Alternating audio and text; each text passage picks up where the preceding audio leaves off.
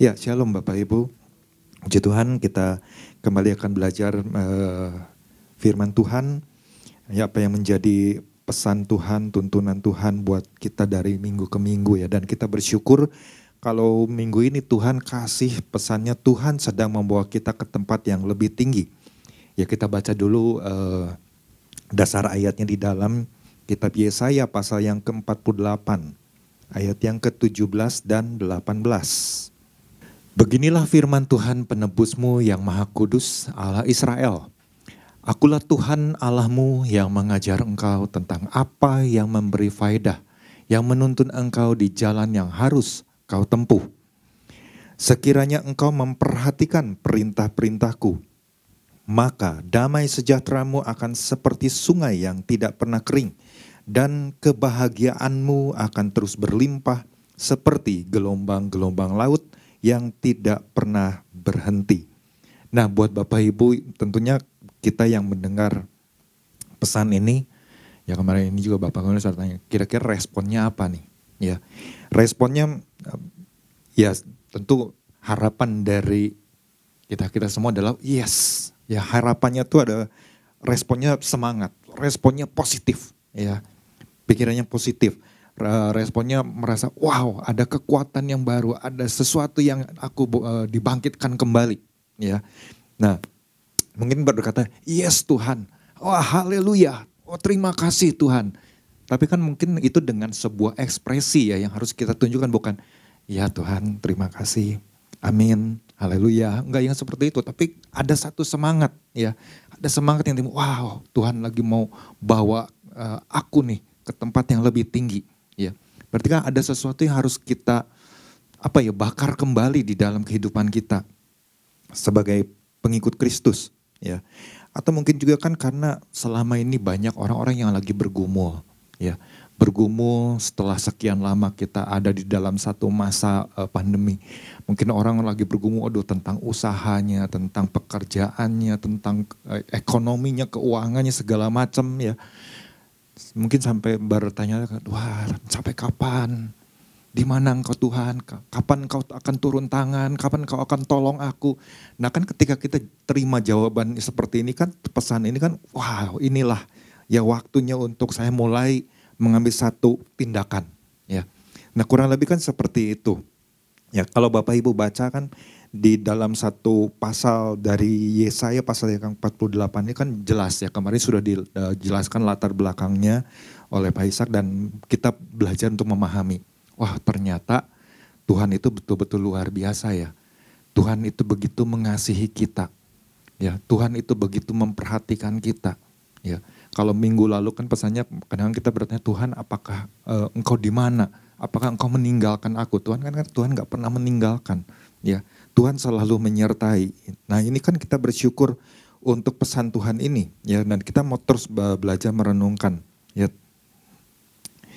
Tuhan itu begitu sayang ya kepada setiap kita sebagaimana Tuhan begitu sayang kepada umatnya ya umat kesayangannya Isra, eh, bangsa Israel ya sekalipun mereka nggak setia sama Tuhan tapi Tuhan tetap setia ya mungkin ketika kita renungkan ini juga Mungkin sama seperti keberadaan kita hari-hari ini.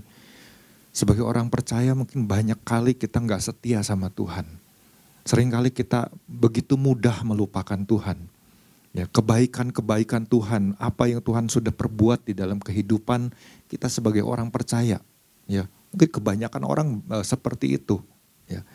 Nah, makanya ini kan ketika Tuhan kasih pesan ini kan ini sesuatu yang mari kita sama-sama ya kita sama-sama uh, renungkan kembali. Ya. Nah, lewat pesan Tuhan ini kan saya bacakan ya, ini inti pesan Tuhannya. Tuhan ingin membawa setiap kita, anak-anaknya, untuk naik ke posisi yang lebih tinggi dari posisi hari ini. Ya, dengan kata lain Tuhan mau bawa kita naik ke level yang satu level lebih tinggi gitu ya. Atau mungkin berapa level yang Tuhan lagi mau bawa buat setiap orang. Ya. Nah, oleh karena dorongan ambisi manusia, manusia bisa saja menjadikan dirinya sesuatu dan berkata bahwa Tuhan telah membawanya ke tingkat ya next level. Nah, kita semua bersama-sama nih kita ingat Bukan kita yang menaikkannya namun perhatikan baik-baik bahwa Tuhanlah yang akan menaikkannya dan Tuhan sedang membawa kita naik. Nah, cuman di sini kita perlu ingat, hanya cara Tuhan membawa kita naik kadang melalui cara yang mungkin gak enak, ya. Kenapa? Ya di di warta dijelaskan karena Tuhan bukan cuma sekedar bawa umatnya itu ya untuk naik, ya kemudian e, menduduki satu jabatan atau posisi tertentu semata-mata, tapi ya, namun membawa umatnya ke level dikatakan iman yang lebih baik, pengenalan akan Tuhan yang lebih matang, ya, memahami apa yang disebut dengan kehendak Tuhan, memahami ke mana harus melangkah dalam tuntunan Tuhan dan berfungsi dengan lebih efektif bagi kerajaan sorga. Ya. Nah dua hal yang sudah disampaikan Bapak Gembala Ya nanti Bapak Ibu silahkan dengar kembali ya di YouTube atau bisa buka di aplikasi RDMB, baca kembali warta jemaatnya dan renungkan ya. Karena uh, dua poin ini begitu penting untuk kita uh, sama-sama ya menge mengecek diri kita sendiri ya. Jadi perhatikan perintah-perintah atau arahan yang Tuhan berikan. Ini kan berbicara tentang ketaatan, ya perhatikan kondisi kita. Ya, jangan kita puas dengan kondisi hari ini. Ini berbicara tentang perubahan. Nah pagi hari ini apa yang saya uh, renungkan, apa yang saya dapatkan, ya, apalagi yang harus kita lakukan agar kita, uh, kita, ketika Tuhan sedang bawa kita naik ke posisi yang lebih tinggi, kita bisa menangkapnya, ya, sehingga kita sungguh-sungguh naik ke posisi yang Tuhan kehendaki. Nah, untuk saya merenungkan, ya, Intinya sebenarnya ayat ada di ayat yang ke-18. Ya. Di situ dikatakan sekiranya engkau memperhatikan perintah-perintahku. Ketika saya merenungkan sekiranya engkau memperhatikan. Ya. Ini kan kalau kita lagi berbicara dengan Bapak kita. Ya. Mungkin kita banyak melakukan hal-hal yang salah misalnya. Nah kemudian Bapak kita memberikan satu nasihat sekiranya engkau memperhatikan. Itu waktu saya merenungkan perkataan ini. Ya. Ada sesuatu yang begitu dalam, ya, begitu dalam yang uh, wow, Tuhan begitu luar biasanya engkau, ya. Karena engkau adalah Bapak, Bapak yang sayang kepada anaknya. Ya, Bapak yang ingin membawa anaknya ini ke dalam satu satu apa ya satu tingkat kehidupan yang yang lebih baik lagi ya karena apa? Karena orang-orang di dunia mengejar, ya mengejar hal itu. Tapi kita diingatkan bukan kita yang menaikkan ya posisi kita. Oh udah ada di levelnya, tapi benar-benar kita benar-benar ada di dalam tuntunannya Tuhan. Ya. Dan apa yang saya dapatkan lewat perenungan ini? Satu poin yang kita bisa sama-sama belajar, ya belajar untuk mau menyukai ya bahkan mencintai setiap perintah-perintahnya. Ketika saya dapat tentang poin ini, saya merenungkan, aduh Tuhan apakah selama ini, apakah saya benar-benar menyukai firman-Mu? Apakah saya benar-benar mencintai? Ya. Karena kalau mungkin kalau dalam sampai tahap menyukai firman, mungkin kita masih bisa ya. Tapi kalau sampai benar-benar mencintai, ya mencintai firman, wow, ada satu masa, satu proses sampai kita bisa ke tahap seperti itu. Jadi kalau kita apa uh, perhatikan ya di dalam terjemahan lain uh, dikatakan di dalam Amplified Bible, oh that you had paid attention. Ya, jadi kalau kamu tuh mau bayar perhatian yang dengan membayar perhatian yang penuh gitu kepada perintah-perintah Tuhan, maka yang terjadi adalah ayat-ayat yang selanjutnya yang kita bisa baca di di pasal yang ke-18 Kenapa hal itu dilakukan? Karena kan kalau di ayat ke-17-nya dikatakan apa? Ayat ke-17-nya. Akulah Tuhan Allahmu yang mengajar engkau tentang yang memberi apa yang memberi faedah. Jadi kan kalau kita benar memperhatikan firman Tuhan, kemudian kita mulai menyukai firman Tuhan. Jadi saya membayangkan, oh mencintai firman Tuhan kalau kita lihat aja, ya kita buka di dalam uh, 100 Mazmur 119 ayat yang ke-35. Biarlah aku hidup menurut petunjuk perintah-perintahmu, ya. Sebab aku menyukainya. Wow, ini seorang Daud bisa mengungkapkan isi hatinya kepada Tuhan. Bahwa dia bilang, biarlah aku, Tuhan, biar aku hidup menurut petunjuk perintah-perintahmu ya Tuhan. Sebab aku menyukainya. Ini kan satu ungkapan bagaimana di sini Daud lagi mau menyatakan bahwa dia benar-benar apa ya membuat dirinya itu bersenang-senang dengan Tuhan. Bersenang-senang dengan perkataan Tuhan kalau namanya Alkitab mungkin cuma ditaruh ya, ada di lemari, mungkin nggak pernah dibaca ataupun kalau dibaca cuma ala kadarnya. Nggak ngerti sama sekali. Tetapi ketika mulai kenal Tuhan, kemudian lahir baru, oh mulai menyukai, walaupun mungkin nggak nggak sepenuh hati, ya, mungkin cuma ayat-ayat tertentu aja. Wow ini nih ayatnya ini jadi kekuatan buat saya. Kadang-kadang mungkin nggak ngerti, tapi ketika kita dalam pengiringan kita kepada Tuhan, kita semakin hari semakin memahami, mencintai firman. Wow, artinya ini ada ada hal nih yang harus kita renungkan sampai lebih lagi. Ya. Nah, di sini ini nggak berbicara tentang pribadi Tuhannya dulu, tapi kita berbicara tentang firmannya dulu. Firman ini adalah perkataan Tuhan sendiri Nah bisa nggak kita menyatakan isi hati kita bahwa kita benar-benar cinta akan firman Tuhan. Benar-benar menyukai firman Tuhan. Dan waktu baca firman Tuhan itu wah rasanya hatinya betul bersuka cita. Bersenang-senang dengan perintah-perintahnya Tuhan. Ya. Jadi benar-benar apa yang dilakukannya seolah-olah Tuhan aku ingin bersama dengan engkau. Aku ingin menyertai engkau. Aku ingin menyenangkan hati engkau. Aku perlu ketetapanmu, aku perlu peraturanmu, hukum-hukummu.